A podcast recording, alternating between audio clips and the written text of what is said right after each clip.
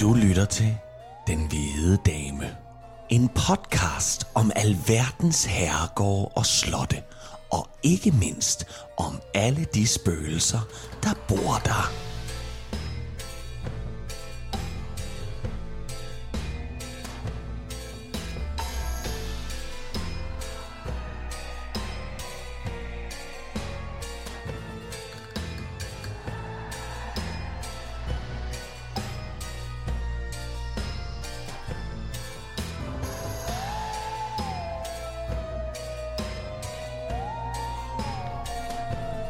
Velkommen til Den Hvide Dame afsnit 38. Hvis du er til heksejagt og adelig bedrager, så er det her altså stedet, hvor du skal blive hængende lige nu. Jeg hedder Trine Gadeberg, og over for mig, der sidder, som altid, Kasper Lefebvre. Bonjour. Bonjour. Bonjour, madame. Du siger altid bonjour, er det fordi du... du... I sidst tror jeg faktisk, jeg sagde hola. Nå, okay. Ja, jeg prøver at, øhm, jeg prøver at række ud Ja. i verden. Ja, det er også... Fordi vi sidder her og lukker om, om os om vores egen Danmarks historie, så tænker jeg så... Så åbner du op. Men ja, jeg, så kan jeg, franskmændene også være med, eller... eller hvad der nu ellers er derude. ja, men jeg tænker bare, det er fordi, du hedder Lefebvre. Nå ja, men det er vist bare efternavnet, der er det franske i mig, og så ikke så meget mere. Nej, okay. Men øh, Kasper, vi har jo fat i, et, øh, i, i en herregård i dag, som hedder Sønderskov. Ja, yeah. Og, øhm, og det er faktisk, jeg, jeg vil gerne indrømme, at det, det ligger mit hjerte utrolig nært. Mm. Fordi jeg har faktisk sådan ofte tænkt på, om jeg skulle tage Sønderskov Slot, men så har jeg bladret lidt i historien, og synes ikke rigtigt, den var, at der var, altså, jeg tænkte, at der var så mange spøgelseshistorier, mm. så jeg kunne bruge den til et afsnit. Men, øhm, men så får vi en henvendelse på Facebook fra øh, presse, kommunikations... ansvarlige. Ja, præcis. Ja. Emilie fra Sønderskov, Ja. og lige pludselig så åbner der sig jo en vanvittig historie frem. Og jeg er simpelthen så mega hammerende stolt af at sige, at jeg har boet et spytklat fra det sted, som vi skal have i dag. Jeg er opvokset i Holsted Ja. og Sønderskov øh, Herregård. Jeg kommer til at sige slot, fordi det kaldte vi det som Ja, barn. ja, ja, selvfølgelig. Men, men det er ikke et slot. Nej. Men Sønderskov Herregård, det ligger måske i luftlinje mm, 10 km fra, hvor jeg er vokset op. Ja. Og så er det mest interessante ved, ved det er, at Sønderskov har øh, de sidste, øh, øh, inden for de nærmeste årrække, jo lavet nogle vanvittigt spændende udgravninger. Fundet øh, guld og stolpehuller huller fra oldtiden, og, og Vi- man finder ud af det område, hvor, hvor jeg er fra, mm. faktisk måske har været ekstremt rigt, og der er måske boet en dronning. Øh, altså, det, man ved ikke, fordi for eksempel på runestenen i Læborg, som heller ikke er langt væk, og stadigvæk i, i Vejen Kommune, som vi er mm, i i dag, mm. der, der står der på runestenen Tyra. Ja. Øhm, og man mener måske, at der har været en dronning før Gorm den gamle, eller at han var gift med Tyra, ja. Ja. Men at der måske, at hun havde meget mere magt, end han måske havde. Ja, Øhm, så jeg føler mig så nært beslægtet til det sted, vi skal hen i dag. og som vi plejer at sige, øh, vi kan tage pigen ud af Holsted, men vi kan ikke tage Holsted ud af pigen. Ej, det er rigtigt. Og, øh, men det er et sindssygt sted. Ja. Og, øh, og øh, som jeg også fortæller lidt senere, så er øh, egnen øh, omkring, altså i Vejen Kommune, omkring Sønderskov, omkring Holsted, de her steder, Fæsted, alle de her steder, det er et sted, som, altså, as we speak, altså vælter ting op af jorden mm. i det område. Mm. Og, øh, og, og meget kunne tyde på, at øh, meget kunne tyde på, at vi har et sted, som inden for få år måske kan udkonkurrere øh, kongernes Jelling, altså som værende et sted, man, man finder vilde ting. Mm. Og en af teorierne går nemlig på, at dronning Tyra kan måske endda være fra det område. Mm. Altså Tyra måske er øh, en Holsted pige ligesom dig. Jamen det tænker jeg, hun er. Og det, der også er, er spændende, det er, at de har jo fundet noget nede langs øh, Holstedå. Ja. Og jeg har jo badet i den hver eneste sommer, jeg har været på kanotur. Vi har jo, jeg har jo været spejder i 13 år, og, ja. og været ved den å konstant også. Ja. Så jeg tænker, jamen, jeg har måske... Øh, Du er måske svømmet over en armring, der tilhører Tyra, jeg Ja. ved ikke hvor mange gange. ja, ja, og det synes jeg bare Præcis. begynder at blive sådan lidt... Det, det piger din, Det pirrer, det din pirrer. interesse. Ja. Ja. Inden vi går i gang med, med selve afsnittet i dag, så tænkte vi, at vi lige vil prøve lidt uh, nyt. Ej, jeg tror, vi har prøvet det en gang før. Vi vil lige komme med et par anbefalinger Ja. her til sommerferien. når man nu har, øh, når man selvfølgelig har hørt sit afsnit af Den Hvide Dame, for det skal man jo. Det hører sig til. Men øh, så har vi, øh, jeg, har, øh, jeg har taget en boganbefaling med, og to tv-serieanbefalinger med, som er lidt i, i Den Hvide Dames regi. Øh, lad mig starte med boganbefalingen, fordi den kan man jo både læse øh, nede ved poolen, ude ved stranden, øh, eller indenfor, når det regner. Og det er øh, øh, den bog af Marie Helleberg, der hedder Stormen. Stormene, undskyld. Øh, som er hendes øh, sådan lidt historiske og lidt frie fortolkning omkring Elisabeth Gyldenstjerne og Stykkekrumpens forhold.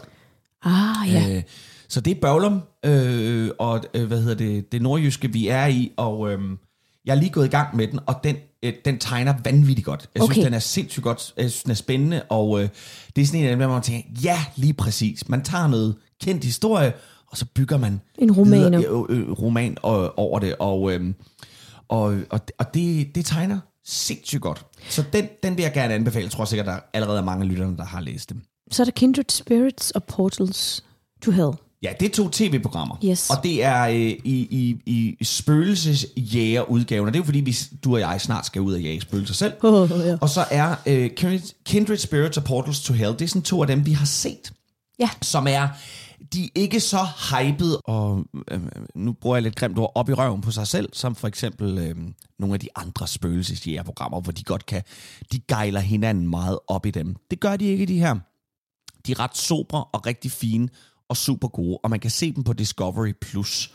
Øh, Og vi er altså ikke uh, betalt af Nej, nej, Discovery nej, Plus overhovedet. Nej, åh, gud frises. Intet. Åh, Var vi der bare. Ja. Nej, øhm, Det er vi ikke. nej, det er bare øh, gode, øh, gedigende anbefalinger ja. Til at se øh, øh, Kindred Spirits og Portals to Hell.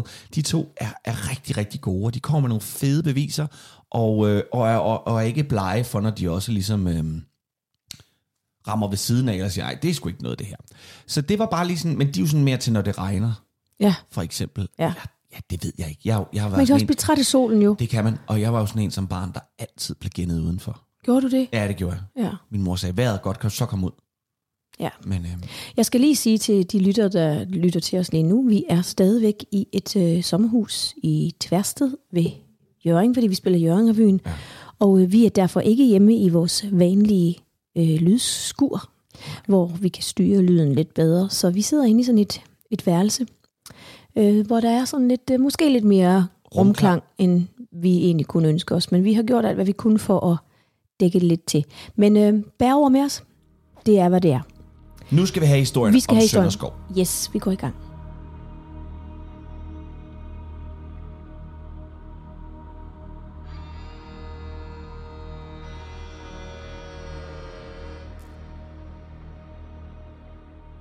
Elham så op mod den overskyede himmel fra bunden af båden. Den var grå og trist, ligesom landskabet omkring hende, og nordboerne, som stod i stævnen af båden, talte et sprog, som på passende vis komplementerede deres flade, våde og utiltalende land. Det var dårligt nok et sprog, synes Elham. Det lød mere som når svinene huggede mad i sig ved et fodertro hjemme i hendes landsby, Genjare, i det smukke Persien. Hjemme. Hun kunne ikke huske, hvor mange år siden det var, at de romerske legionærer kom til hendes landsby og tog hende væk fra hendes familie og hendes to brødre. Hun var kun en lille pige dengang, og nu var hun en ung kvinde. Hendes sidste ejer og herre, præfekten Caius Julius Donatus, havde købt hende fra det fønikiske handelsskib i Athen og taget hende med til Germanien til byen Trier, hvor, hun havde, hvor han havde haft hende som husslave i mange år. Nu var hun så blevet handlet videre til barbariske nordboere. Danere i dette tilfælde. Og deres rejse fra Germanien havde varet i næsten 14 dage nu. Kæden om hendes hals strammede, men ikke så meget mere. Nu var den mere tung og rev i hendes hud. Det gav et bump i skibet, da det lagde til en lille aflejring på den store å. Hun blev gennet ud af båden sammen med fire andre slaver ombord. Et drengebarn på cirka 11-12 år, to unge mænd og en kvinde, der så ud til at være noget ældre end Elham. De var alle germanske, men talte ikke latin, som var det eneste andet sprog, som Elham kunne, for uden hendes modersmål. Danerne viste med fakter og en masse uforståelige ord, at de skulle sætte sig op i oksekæren, som stod og ventede på dem. Da de havde sat sig til rette, begyndte de tunge dyr at trække vognen ud af en bumpende landevej. Sidst på aftenen ankom de til en kæmpe plads med langhytter og et dusin bål, der var fordelt over området, som strakte sig længere end Elham kunne se. De blev hævet ud af kæren og viste over i en lille hytte, men inden døren blev lukket og låst bag dem, blev den ene af de unge mænd holdt tilbage. Ud af sprækkerne på den lille hytte kunne Elham se, hvordan de førte ham over mod en stor træfigur, som stod midt på pladsen. Elham gættede på, at den skulle forestille en af deres guder. Ved siden af træfiguren stod en brønd, som blev oplyst af fakler, der var placeret rundt om den.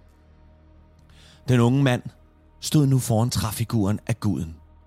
To danere holdt fast i mandens arme og trak dem ud til siden. En tredje kom til og tvang den unge mand ned på knæ. Så råbte han. Petra er urbid än sig offerblid. Ej ser till Gilgis djöf.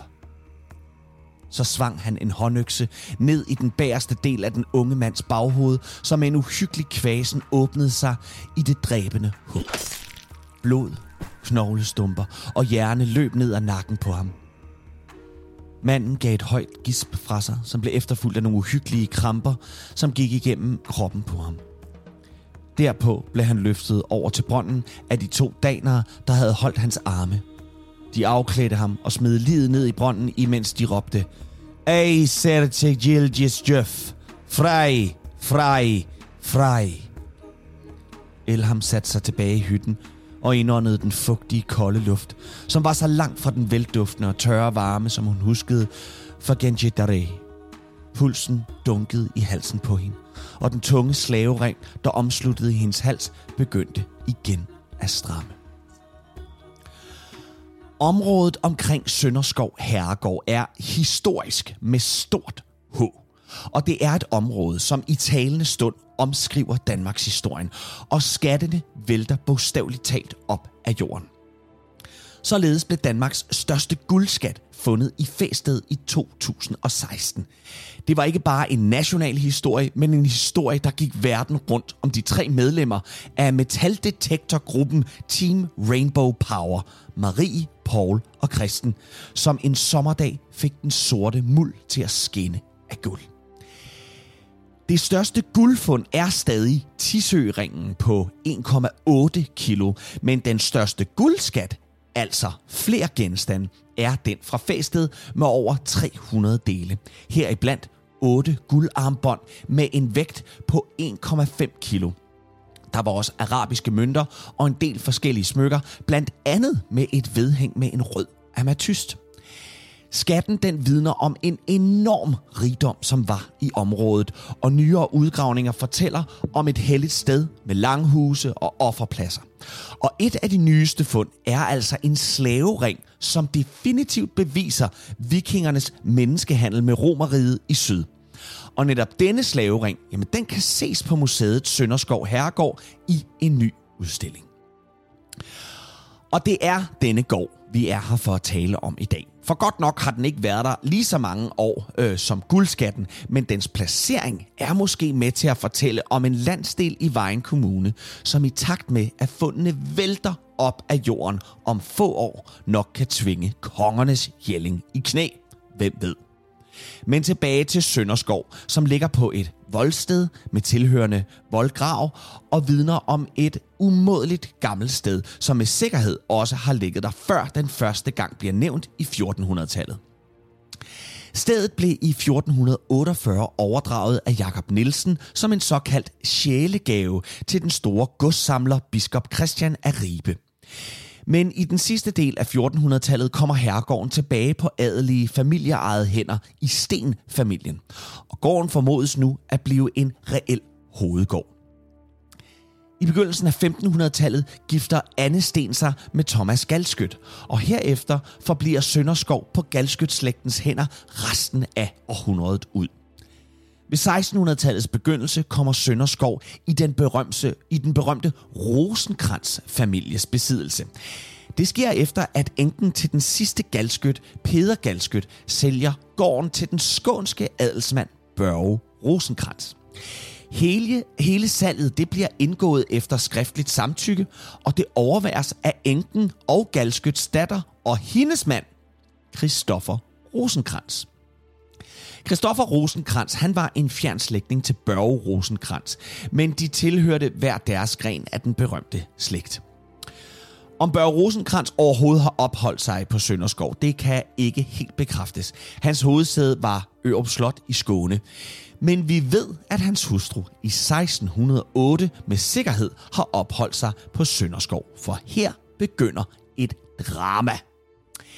En dag, da Børge Rosenkrantz hustru, som jeg på beklagelig vis ikke har kunne finde navnet på, opholder sig på Sønderskov, kommer en meget oprevet Christoffer Rosenkrantz op til hende. Det berettes, at han ligefrem overfalder hende med et gældsbrev. Christoffer Rosenkrantz, som selv ejer en del gårde på egnen, påstår, at Børge Rosenkrantz ikke har godt gjort ham en sum penge, som han var blevet lovet i forbindelse med samtykkeerklæringen fra 1600, da Sønderskov blev købt af Børge. Hele sagen ender i rettertinget, hvor Børge Rosenkrantz modvilligt betaler den påståede gæld, som han godt nok intet kan huske om. Ydermere vækkes hans mistanke om decideret dokumentfalsk, da det i sagsakterne kan læse, læses, at han, altså Børge Rosenkrantz, undres over det påståede gældsbrev, som ikke bærer det rette Rosenkrans våbenskjold. Året efter, i 1610, der bliver Christoffer Rosenkrantz stillet for Christian den 4.s retterting i Horsens. Men ikke alene på grund af misæren på Sønderskov. Nej, på grund af et utal af sager om formået dokumentfalskneri. Heriblandt selvfølgelig også sagen på Sønderskov. En ikke dokumenteret beretning fortæller, at det faktisk er selveste kong Christian den 4., der som en anden CSI-retstekniker afslører Christoffer Rosenkrantz omfattende svindel. Historien går på, at kongen på herredagen ved at studere et gældsbrev kunne se, at dateringen var ældre end vandmærket på papiret, som var produceret på papirfabrikken Strandmøllen.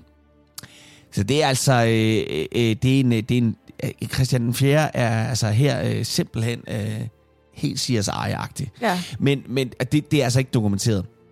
Men, men Christoffer Rosenkrantz øh, dokumentfastneri, det er, det er så omfattende. Altså, han har simpelthen kørt det her i et sted mellem 6 og 8 år. Og det er øh, i en lignende sag, den han kører på Sønderskov, som han, øh, det, det, der, det der starter den nye retssag mod ham, det er mod en enke øh, på egnen, hvor at øh, da hendes mand dør, der står Christoffer Rosenkrantz, og det er så åbenbart skik og bro på det her tidspunkt, det er ret brutalt. Han står til selve begravelsen i kirken ved mandens kiste og læser det her gældsbrev op for konen. Nej. Nej. Med en gæld på øh, omkring 5.000 øh, nej, 4.000 ristaler, men som han så siger oven i købet med en gældsbrev oven i hatten og bla bla bla bla bla, så bliver det lige pludselig til 5.000, som han prøver at rippe den her kvinde for. Og, øh, og det er det, der hun ligesom siger, ej, det går altså ikke. Og det er det, der ender i den her retssag i Horsens, hvor, hvor Christian Fjer øh, øh, ender med, altså på herredagen, og den er så god nok. Han er til stede på, på den her herredag. Vi har før talt om herredag. Ja. Det er der, hvor adelen ligesom har en mulighed for at komme i audiens hos kongen og, og få talt sammen.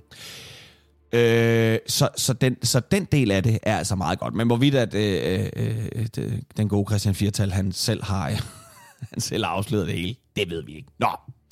Hvorom alting er, så er dommen over Christoffer Rosenkrantz faktisk blevet afbildet og forestiller en skamfuld rosenkrans, der får sin adelskår knækket foran kongen. Og dette maleri er faktisk en del af udsmykningen i Christian den 4. Øh, gravkapel i Roskilde Domkirke, så der kan Ej, man gå hen og se det. spændende. Nå, ja.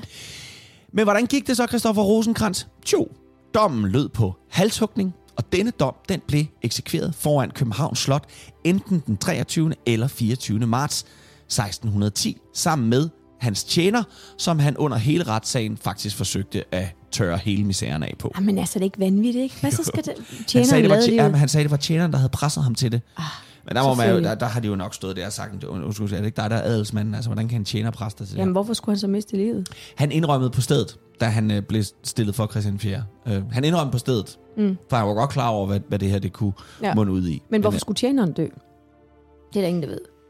jeg tænker, at det, han ikke har betydet mere. Måske har han været, han har nok bistået ham i de her falsknerier. Ja. Det kunne jeg godt forestille mig. Han har nok været vidne om det, men man kan sige, herregud, altså, men uh, whatever. Det, ja. det, var, det var Christoffer Rosenkrantz, der røg der. det var altså voldsomt.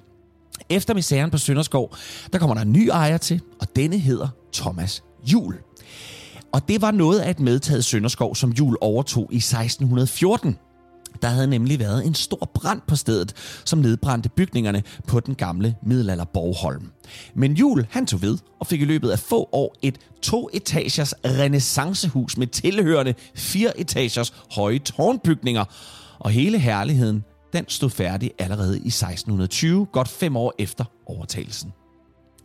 Jul han blev en gammel mand på hele 85 år, men hans skæbne var lettere brutal. Han endte nemlig sin dage for enden af en umådelig stejl vindeltrappe, som stadig kan findes på stedet den Og dag i dag. som vi har et billede af. Vi har også et billede yes. af den, så den kan man, øh, vi Der smider den med her. Yes. Ja. Den 85-årige Thomas Jul brækkede simpelthen nakken i faldet. Det var så Og når man ser trappen, kan jeg lytte, Så forstår man det forstår godt. man også godt, hvorfor. Ja. Der vil man aldrig sende en 85-årig ud, ikke engang 25-årig. Nå, efter jul, der kom dueslægten til, to år efter det fatale fald på Vindeltrappen. De fik i løbet af 1700-tallet bygget, jul, bygget Jules renaissance Sønderskov om til det mere moderigtige barokstil, som er det Sønderskov, som står den dag i dag. I over 100 år, der er det Momsen-slægten, der sidder på Sønderskov fra 1804 og frem til 1925. Og det er et frygteligt misligeholdt hus, de efterlader sig, og Sønderskov kunne meget let være endt i ruiner, eller som et respekt og historieløst renoveret bygningsværk. Og det var det faktisk også lige ved at blive ved den sidste øh, due, der havde det, eller det vil sige, hun var gift med en apoteker fra Vejle. Mm. Og de ansøgte rent faktisk om at få lov til at, at rive hele lortet ned Nej. øh, og starte forfra. Øh, og det kunne altså meget vel, og det er derfor, jeg også skriver altså, i en øh, total historieløs øh, ting. Der var, det, de havde søgt om, der kan man se på de papirer, at der var ikke taget meget højde for det, der stod der. Det virkede i det, vi vil kalde i dag ret respektløst. Nå, men heldigvis, Trine, i 1986, der bliver stedet købt af den umådelig dygtige tømmermester Helge Kravlund, som i forvejen er kendt for sine evner ud i istandsættelse af gamle huse. Og han får i perioden 1986 til 1992 sat skik på det fantastiske Sønderskov, som ovenikøbet modtager den fornemme Europa Nostra-pris for den smukke og dygtige restaurering. I dag der er Sønderskov et levende historisk sted med et fantastisk museum om oldtiden på egnen omkring Brørup, Vejen og Holsted. Og der er et hav af aktiviteter i form af rundvisninger, markeder, østersture, rockkoncerter og meget, meget mere. Samt en fantastisk restaurant, hvor man sidder i 1400-tallets Sønderskovs kælder, hvor mange af de øh, dele af de originale køkkendele, de er der. Så en gammel bageovn står der rester af, man kan sidde og kigge på, mens Men man jeg spiser. har spist der. Jeg har været der. Du har været der? Ja. Nej, Ja, ja. hvorfor har du ikke sagt det? Jamen, det der skal vi da hen så. Ja. Nå, der må vi hen og have et godt. Var det god mad? Ej, for, for, jeg skulle lige sige for fanden, men det sagde jeg ikke. Det var det. Men nu sagde du det, og vi, Ja. ja. jeg tror, jeg tager dig Det på. beklager. Alt i alt, der er Sønderskov et spral levende sted, som helt klart er et besøg værd. Men bedst som du går rundt der på Sønderskov og beundrer eller drømmer om at finde den næste guldskat, så er det som om nogen holder øje med dig fra de mørke kroge. Det er som om fortidens sjæle står der i skyggerne og med stumme skrig vil fortælle dig noget. Vi skal nu høre om spøgelserne på Sønderskov.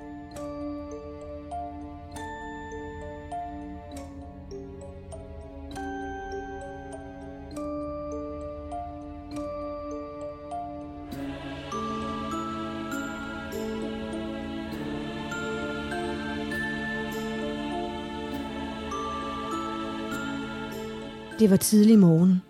Rygteren fra Sønderskov Herregård styrtede hen ad gårdspladsen, for det syn, der mødte ham for to minutter siden i stallen, var så nedslående.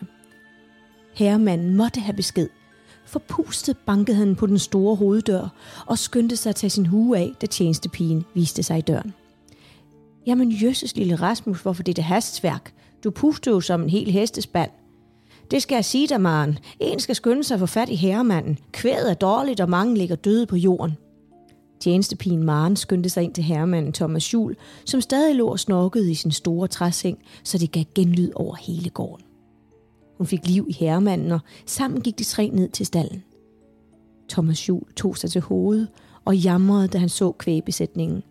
Døden var kommet til stallen, og Thomas Jules kvæbesætning lå nu livløse på det hårde stengulv. En forbandelse havde vist sig, og det skulle der altså tages hånd om. Det var en decideret katastrofe. Thomas Jul var ikke i tvivl. Det var trolddom og hekseri, der havde været på spil. Jeg skal lige sige, Kasper, om Thomas Jul ved vi nemlig, at han har kendt Christian den 4. Mm. Fordi Christian den 4. har faktisk aflagt Thomas Jul et besøg. En af hans øh, store hobbyer var nemlig øh, at smedje. Og øh, blandt andet den store øh, hjerteformede hoveddør har sådan en lås. Ja. Eller den hjerteformede Ja, har set lås. Ja, Ja, ja. den virker stadigvæk. Og det er altså Thomas Jul, Det er Thomas Juhl, der har lavet den. Ja, Nej, og andre fint. ting Ja. også på Sønderskov. Men han er altså privat gode venner med Christian 4. Jeg ved ikke, hvor privat gode venner de er, men de har i hvert fald kendt øh, hinanden. Han har jo besøgt ham på Sønderskov. Ja, det har han. Ja. Men, men man mener måske, at han har været med til at skulle give Thomas Juhl nogle opgaver. Og, Mm. ja. Okay. Så en dag, der kommer kongen altså på uventet besøg og bliver hilst på af en meget sodet og beskidt mand. Og Christian 4. Og Christian 4. siger til ham, sig mig, min gode mand, hvor møder jeg husets herre? Og øh, husets herre, ja, han stod jo lige foran ham, for det var nemlig en meget beskidt og sodet Thomas Juhl. Øhm, og jeg tænker, at det måske er Christian den 4., der har haft en god indflydelse på, at Thomas Juhl havde mistro til, Til kloge koner, altså og var for hekseri. Selvfølgelig. Eller ikke for hekseri, han var Gud, ja. imod ja, ja, hekseri. Selvfølgelig. Vi er Ja. jo i en, øh, vi er jo i en, i en ret Vi- mørk periode i Danmarks historie her i 1600-tallet. Lige præcis. Ja. Fordi i hvert fald har egnen her fra 1619 til 1621 haft den værste hekseudrensning i Danmarks historie. Og øhm, nu når vi sad her i starten og snakkede om, hvor fantastisk alle de her udgravninger og alle de her ting, vi har fundet, så er det altså en mørk skamplet på, Det er- på det er- egnen her. Det er ganske enkelt forfærdeligt. 20 kvinder blev 20? angivet, ja, og 17 af dem endte på bålet. Nej, nej, nej, nej, nej. En På, tidlig to, på to år? Nej, jo. 1619 til til 21. Det er to år, ja. 17 kvinder. Mm. Hold brændt kæft. på bålet. En tidlig, tidligere historiker på stedet, Peter Munk Jensen, han har skrevet sådan en, en altså flere artikler. En af dem, der læser jeg lige op her, øh, Ja. ja. Kasper. Skal du bare lige høre, Ja. ja. hvordan øh, sådan noget her kan foregå. Ja. Den store udrensning 1619-21 begyndte i Skast Herred, hvor Anne Niels kone fra Hostrup blev anklaget for trolddom ved herredstinget. Hendes sag fulgte den almindelige procedure ved trolddomssager. Processen mod Anne Niels kone medførte en kæde af udlæggelser. Anne Niels kone udlagde Maren Petersdatter i Vesterstarup, der udlagde to kvinder i Malt Herred som medskyldige, Abelone Thomasdatter fra Klelund og Karen Anders kone i Vitrup. De to havde sammen med hende i katteskikkelse været i Anders Christensens stald i Klilund. Abelones dreng hed Torkjast. Ham havde hun fået til at forgøre Anders Christensens hest.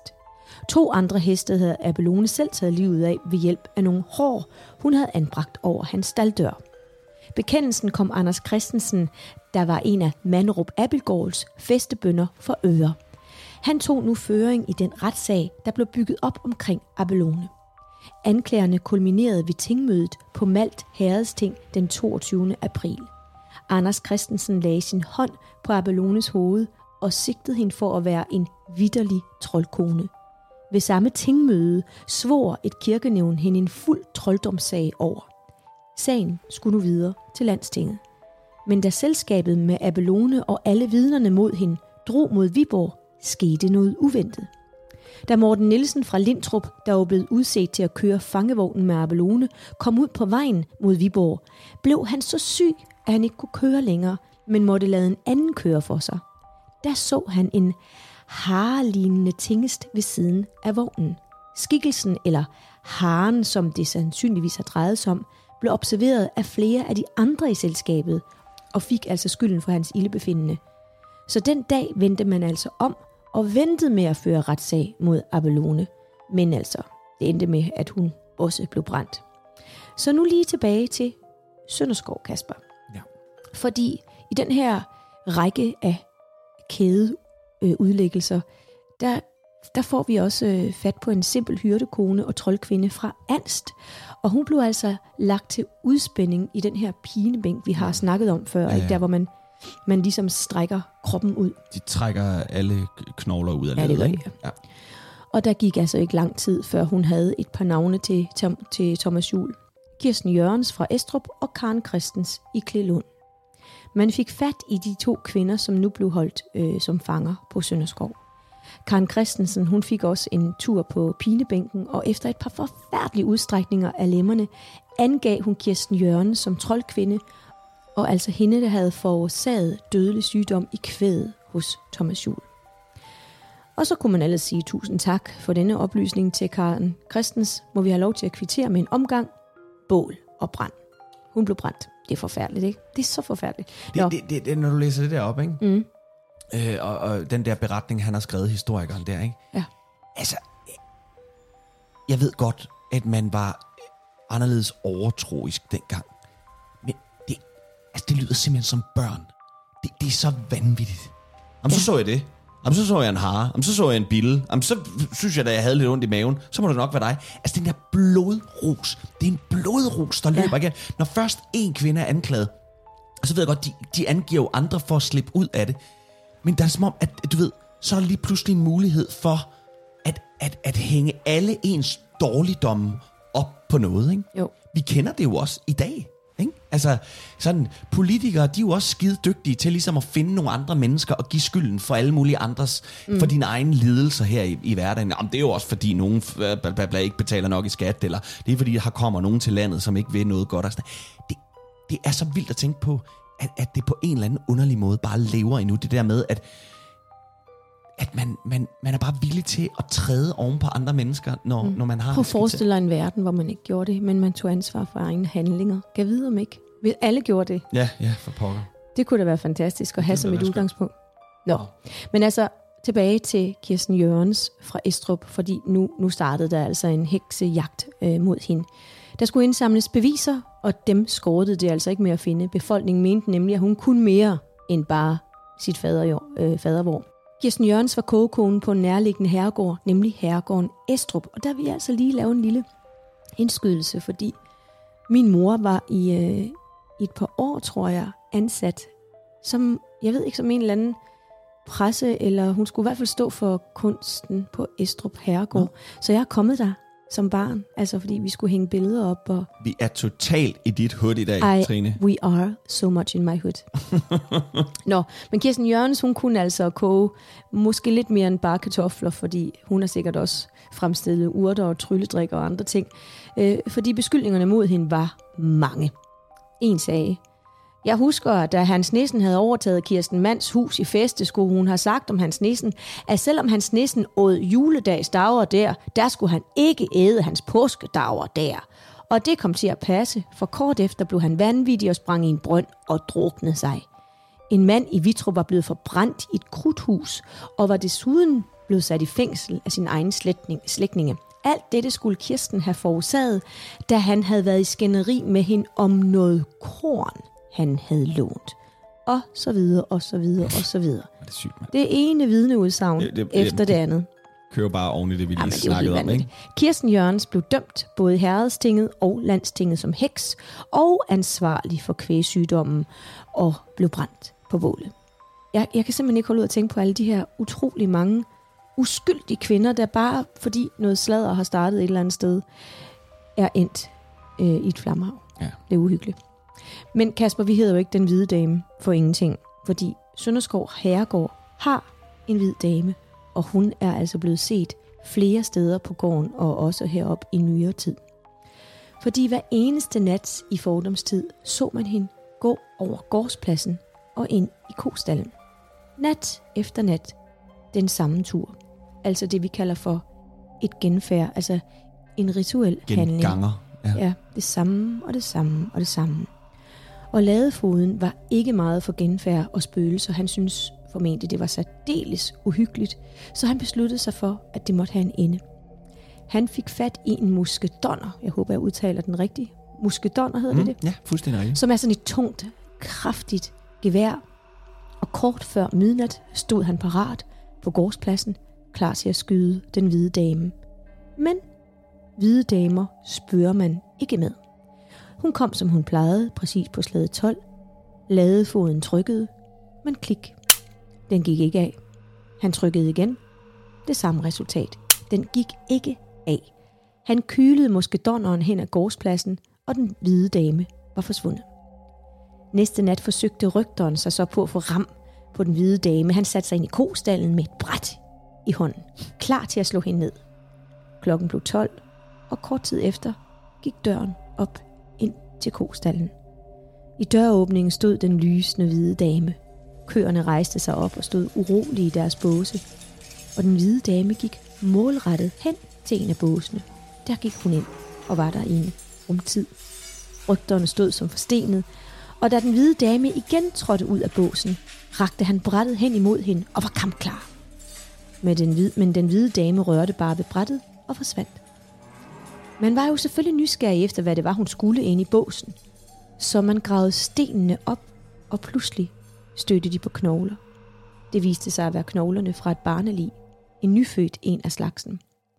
I respekt for det lille menneske valgte man at give det en proper begravelse, og efter denne begravelse har den hvide dame ikke vist sig i stallen eller på gårdspladsen. Mm. Jeg ved, jeg tænker, at måske har hun, øh, at hendes eget barn, hun har Ja, hun er født i dølsmål Måske, og ja. begravet det derinde. Ja, Det giver en meget god mening. men der er altså flere hvide damer på Sønderskov, eller også, ja, det er den samme. Det er jeg nemlig tilbøjelig til at tro. Okay. For nede i haven om natten går der en hvid dame fra skoven og ned mod voldgraven. For i voldgraven havde man lænket hendes hjertes udkårne. En mand, som var langt under hendes stand. Og man mener altså, at herremanden simpelthen slap af med manden ved at, at lænke ham til voldgraven, og så kunne det der vanvittige kærlighedsromance jo ikke finde sted mellem de to. Og så er det jo nærliggende at tro, at nogen hvide dame, der går fra skoven til voldgraven, måske var blevet gravid med manden i voldgraven, og gjort det af med barnet og begravet det i kostallen. Jeg tænker, at det er altså en meget sandsynlig historie, og historikerne de udelukker altså heller ikke den mulighed. Jeg tænker bare, at det er en trist skæbne for dem alle tre, ikke? Ja. At han var under hendes stand, og derfor kunne de ikke få hinanden. Men, men det jeg lige skal forstå, det er, øh, knoglerne af barnelivet, som, som jeg... Den er god nok, ikke? ja, ja. Det er fundet derinde. Og man har begravet barn. Ja. Ja. Så, så, så, Så der er fundet et barnelig. Ja. Ja. Så, øh, ja. så der er altså nogen, Ja. der har begravet det her barn. I 1987 frem til 1992, så renoverede man altså Sønderskov, og på det tidspunkt var der altså ikke noget køkken i kælderen. Men alligevel kunne Karen Thysen, som er rundviser på stedet også den dag i dag, hun, hun kunne fornemme duften af frisklavet mad. Hm. Og ligeledes er der også set en ikke så køn dame med hvid lang kjole og lyst hår svæve hen over gulvet, da Viggo Momsen, altså en slægtning, en slægtning til Peter Momsen, som på et tidspunkt ejede Sønderskov, Ja. som du fortalte om, Ja. ja. øh, Kasper, han overnattede sammen med nogle venner og øh, i kælderen, og så kom den her hvide dame altså svævende hen over dem, og hun sagde, I forstyrrer, så forsvind med jer. Så der sker altså stadigvæk øh, ting og sager indenfor i huset. Yes. Jeg ved ikke, om du kan huske den øh, storm, vi havde i 1999, øh, Kasper. Det var den værste storm i mandsminde. Ja, det er Ja. vist rigtigt. Ja. Ja. Jeg boede øh, i Tjæreborg inde i, i en plantage, og næste morgen, da vi skulle ud og besigtige området, så var det jo nærmest umuligt at komme frem for de mange træer, der var væltet. Ja. Og sådan var det altså også på Sønderskov. Alle havens træer og skoven var fuldstændig ødelagt. Det lå som pindebrænde, som sådan en slags Mikado-spil, der var fuldstændig væltet ud over det hele. Nu siger jeg alle, men jeg mener faktisk næsten alle. For midt i parken stod to træer og knejsede uden nogen form for stormmen. De havde overlevet, og det var måske ikke uden grund. For midt imellem de to træer er Bodil Momsen lagt til hvile. Nå, da da. Bodil Momsen havde en stærk tilknytning til stedet og er vokset op på Sønderskov i starten af 1900-tallet. Hun flyttede til USA og giftede sig og fik et andet efternavn. Hun gav flere af sine møbler til Sønderskov, fordi hun var den overbevisning om, at de skulle være der, hvor de hørte hjemme. Og hendes sidste ønske var altså at blive begravet på Sønderskov. Og øh, det, var der, det var der stor ståhej om, fordi det var svært at få udleveret det her lige fra USA og til Danmark og bla bla bla. Men altså, det lykkedes, og hun ligger altså i dag mellem de to træer. Derfor er man overbevist om, at Bodil den dag i dag passer på stedet fra det hinsides. Det var min historie i dag, Kasper. Jeg, jeg kan godt lide historierne, også fordi de, øh, de hæfter sig på noget fakta. Mange af dem er selve spøgelseshistorien. Det er jo så op til folk selv, om de tror på den eller ej. Men øh, der er navne, der er steder, øh, der, der, barneknogler, der er fundet, den slags ting. Ja, ja. Altså, man, man ligesom, øh, det kan jeg godt lide, når, når de er hæftet op på noget, Ja, på plus noget at, virkelig. at det faktisk også er, det er et museum, så man kan bare ja, komme. Det kan og, man øh, nemlig. Og de her øh, arme slave, slaveringe, man har fundet, ikke, det er jo fuldstændig vanvittigt. Ikke? Ja. Ja, det er altså. Det var alt, hvad vi havde valgt at bringe denne gang. Vi skal lige huske her at sige en stor tak til Emilie Kisine Kaiser, som er kommunikations-power-kvinde på Sønderskov, og som har været en stor hjælp i researchen til det her afsnit. Og tusind tak til dig, Emilie Christine Kaiser, for at ligesom bringe mig hjem igen til min egen egen. Sønderskov, det er som sagt åbent for offentligheden, så øh, her i sommerferien, så er det bare om at komme afsted. Og i disse dage, lige nu som vi øh, taler faktisk, er, er der startet den her spritnye øh, udstilling, hvor den her berømte øh, slavering, som jeg lige digtede en fri historie over i starten, øh, er udstillet. Ja. Øh, og så kan man simpelthen ved selvsyn se den der. Tilbage, så er der kun at sige tak til dig, Trine. Tak til dig, Kasper. Og til vi lyttes ved igen, så må I have det uhyggeligt godt.